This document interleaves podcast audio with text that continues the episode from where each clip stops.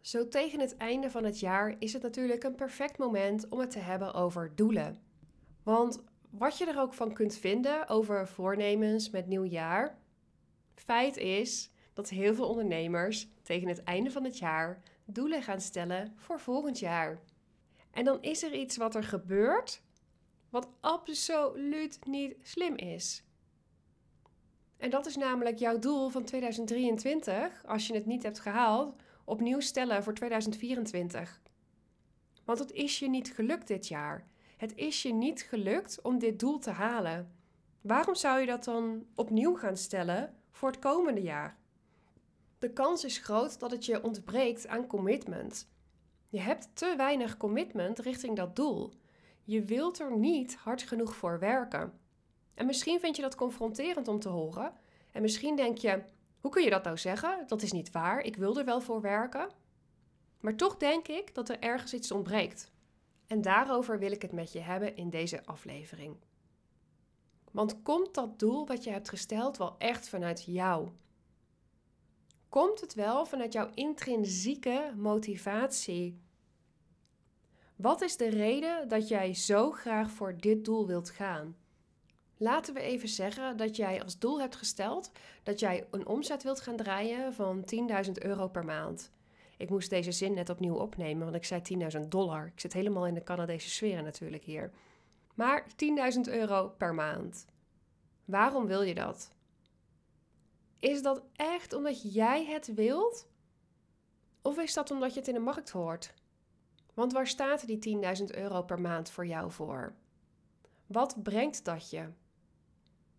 Veel vaker moet je dieper gaan. Je moet naar een diepere, onderliggende reden gaan.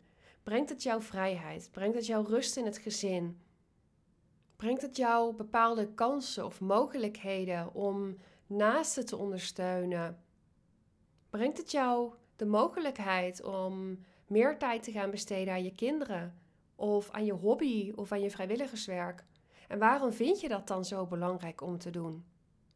Ga daar eens naar op zoek. Ga eens op zoek naar die intrinsieke motivatie, zodat je het daaruit voortvloeiende financiële doel echt kunt voelen. Dat je vanuit daar echt kunt zeggen: ja, dit is waar ik voor ga. En dit is waarom ik daarvoor ga. En dan zorg ik dat ik er alles aan doe wat ik eraan kan doen om ervoor te gaan. Want je hebt er dit jaar het werk niet in gestopt. En geen tijd hebben, ja, even heel eerlijk, is onzin. Je hebt tijd. Iedereen heeft evenveel tijd. Alleen je hebt het geen prioriteit gegeven. En dat wil niet zeggen dat dat fout is. Dat wil niet zeggen dat daar iets mis mee is. Maar het zegt wel iets. Het feit dat jij er dus geen prioriteit aan hebt gegeven om dat specifieke doel na te streven, dat betekent dat er iets niet goed zit met dat doel. Als jij voor volgend jaar weer wilt gaan werken met een bepaald doel, nou zeg even een omzetdoel van 10.000 euro per maand. Ga dan eens even serieus voor zitten. Ga eens even nadenken, waarom wil ik dit nu zo graag? Ga het eens berekenen. Ga het eens berekenen welke omzet je nodig hebt om datgene te bereiken wat je nastreeft. Misschien kom je dan ook op die 10.000 euro uit. Dan heb je er veel meer een connectie mee, veel meer een band mee en veel meer een commitment voor om er echt voor te gaan. Want als jij doelen gaat stellen waaraan je niet echt gecommit bent, en waaraan je niet echt wilt werken, of waarvoor je niet echt wilt werken, waar je dus geen prioriteit van wilt maken, waar je geen tijd voor in wilt investeren, waar je geen geld voor in wilt investeren, ja, dan kun je net zo goed geen doelen gaan stellen. Want als jij daar geen commitment voor wilt afgeven, ja, ja, wat heb ik daar meer over te zeggen? Begin ook eens voordat je je nieuwe doelen stelt met het reflecteren van wat je hebt geleerd van het niet halen van je doelen. Welke lessen kun je eruit trekken dat je het dit jaar niet hebt gehaald? Wat is de conclusie die je daaraan kunt verbinden? Wees nou eens een keertje super eerlijk tegen jezelf. Waarom heb jij je er niet aan gecommit? Waarom is het niet belangrijk genoeg om er tijd aan te besteden? Om erin te durven investeren?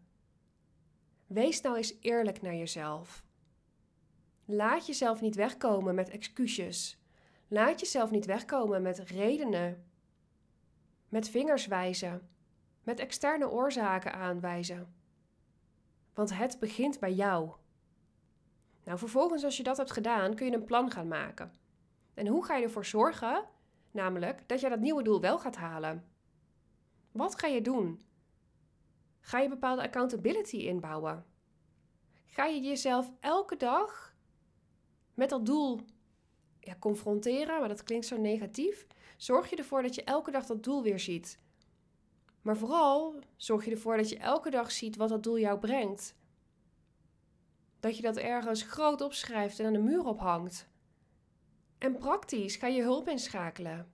Ga je vragen of iemand jou erbij kan helpen. Stop je met zeggen: Ik moet het alleen kunnen, als je het al een jaar of twee jaar of nog langer niet alleen hebt gekund. Is het dan niet tijd om toch echt om hulp te gaan vragen? Dus hoe zorg jij ervoor dat jij het doel gaat halen? En trek dan dus wederom die lessen uit andere doelen die je hebt gesteld en niet hebt gehaald. Wat werkt niet? Als je zegt, ik ga mezelf nu echt een schop onder mijn kont geven. Maar als je dat elke keer zegt, ja, dan werkt dat niet. Maar maak het ook vooral allemaal niet gelijk te groot, hè? En in dit geval wil ik ook graag even de sportschoolabonnementen uh, even onder de aandacht brengen. Want hoe druk is het wel niet in de sportschool in januari? Want iedereen in januari denkt, ja, ik moet nu echt gaan sporten. Al met de kerstdagen heb ik veel gegeten, ik moet gezonder worden.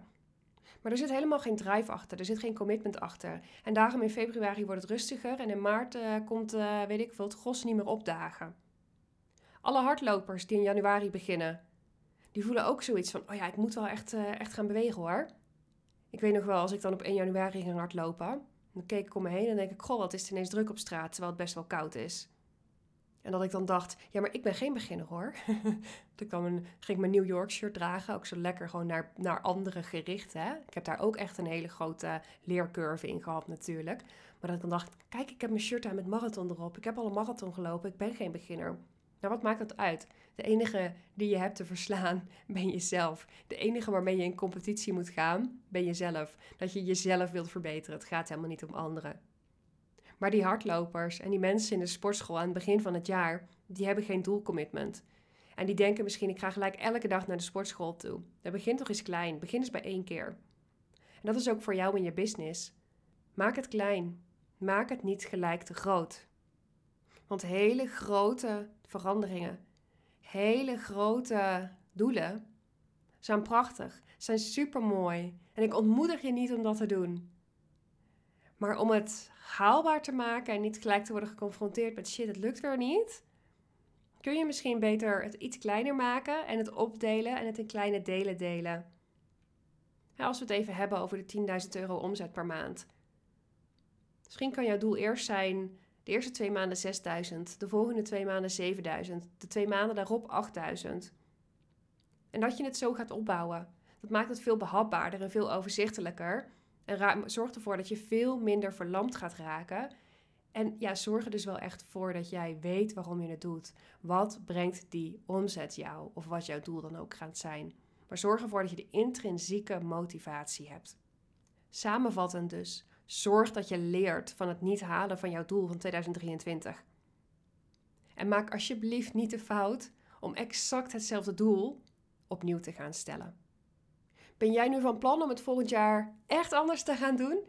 En dan dus ook op een andere manier aan de slag te gaan, om hulp te gaan vragen, om ervoor te zorgen dat je je gaat omringen met andere gemotiveerde onderneemsters die hetzelfde willen gaan bereiken als jij, dan nodig ik je uit voor de Business Growth Journey. Dit is het programma dat in januari van volgend jaar start. En er is plek voor maximaal zes onderneemsters die hun business naar het volgende level willen tillen. Die er klaar mee zijn om van lancering naar lancering te gaan. Die stabiliteit zoeken. Die rust willen. Maar die vooral voelen, het gaat al prima, maar er zit nog zoveel meer in mij. Er zit nog zoveel potentie in mij die er niet uitkomt. Klik eventjes op de link in de omschrijving bij deze aflevering. Daar kun je alle informatie vinden. Er is plek voor maximaal zes onderneemsters. En as we speak, als ik deze aflevering opneem, zijn er twee plekken al bezet. Dat betekent dat er nog maar vier plekken over zijn voor deze pilotronde. Waarbij jij kunt meedoen voor de allerlaagste prijs ooit. Vergeet ook niet om je te abonneren op mijn podcast en om even een review achter te laten als je het leuk vindt om naar deze podcast te luisteren. Superleuk dat je er weer bij was en ik zie je graag de volgende keer weer terug.